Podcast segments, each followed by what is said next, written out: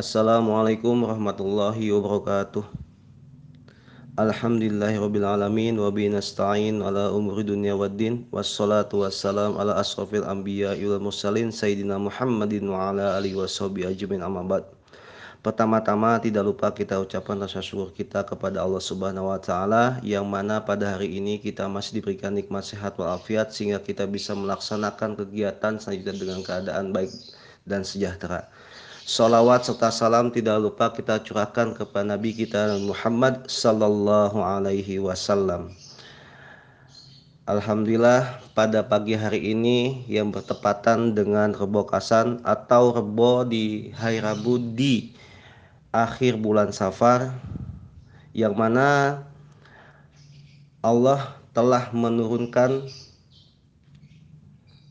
banyak penyakit dan sekarang kita akan berusaha untuk beristighfar. Adapun materi pada pagi hari ini adalah tentang keutamaan dari istighfar. Astaghfirullahaladzim, astaghfirullahaladzim, Astaghfirullahaladzim. Astaghfirullahaladzim atau istighfar merupakan salah satu kalimat istimewa dalam Islam. Kalimat ini memiliki keutamaan serta manfaat bagi yang terus mengelafalkannya. Adapun beberapa keutamaan, yang pertama adalah sebagai pintu rezeki. Mengamalkan kalimat istighfar dapat membuka pintu rezeki seseorang Allah Subhanahu wa taala berfirman dalam Al-Qur'an surat Nuh ayat 10 sampai 12 yang artinya maka aku, aku katakan kepada mereka mohon ampun kepada Tuhanmu sesungguhnya dia adalah Maha Pengampun niscaya dia akan mengirimkan hujan kepadamu dengan lebat dan membanyakan harta dan anak-anakmu dan mengadakan untukmu kebun-kebun dan mengadakan pula di dalamnya untukmu sungai-sungai. Jadi istighfar ini anak sekalian adalah sebagai pintu rezeki kita. Dengan kita memohon ampun pada Allah atas apa yang kita kesalahan yang kita kerjakan secara tidak sadar ataupun secara sadar akan membukakan pintu rezeki kita.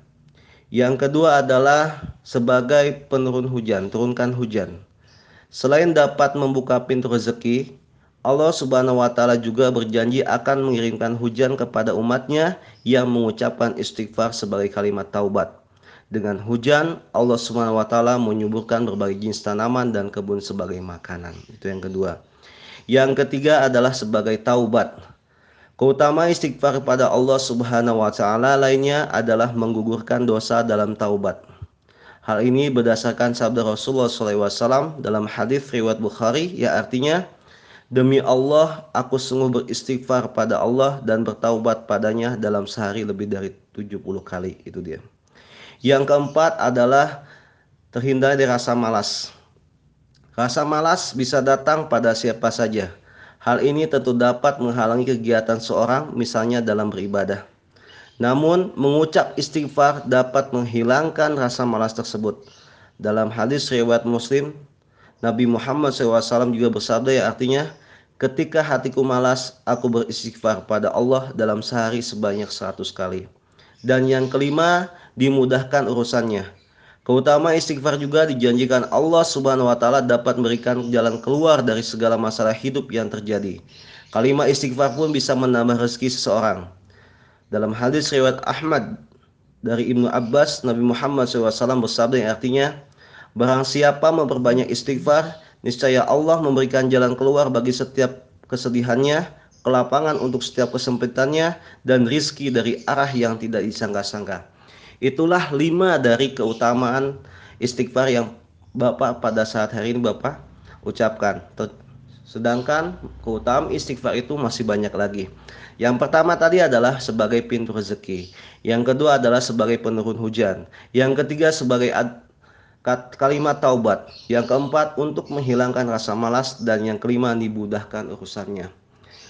Kapan pun kita haruslah kita selalu mengucapkan istighfar. Karena kesalahan yang kita lakukan terkadang ada yang dirasakan dan ada yang tidak dirasakan.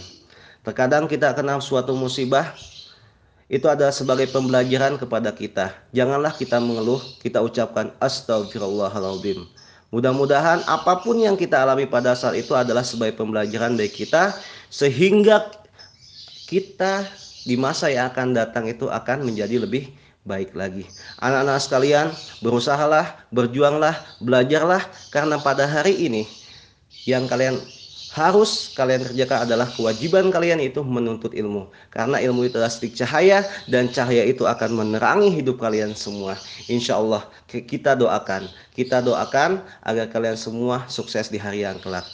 Mudah-mudahan apa yang Bapak sampaikan pada pagi hari ini menjadi ilmu yang bermanfaat di akhir bokasa ini kita mohon pada Allah agar segala musibah yang Allah telah turunkan menjadi hikmah bagi kita, pembelajaran bagi kita untuk pertama kita selalu hidup sehat, selalu hidup bersih, selalu menjadi anak yang bermanfaat bagi nusa dan bangsa. Subhanakallahumma bihamdika asyhadu alla ilaha illa anta astaghfiruka wa atubu ilaik. Wa da'wana alhamdulillahirabbil alamin. Wassalamualaikum warahmatullahi wabarakatuh.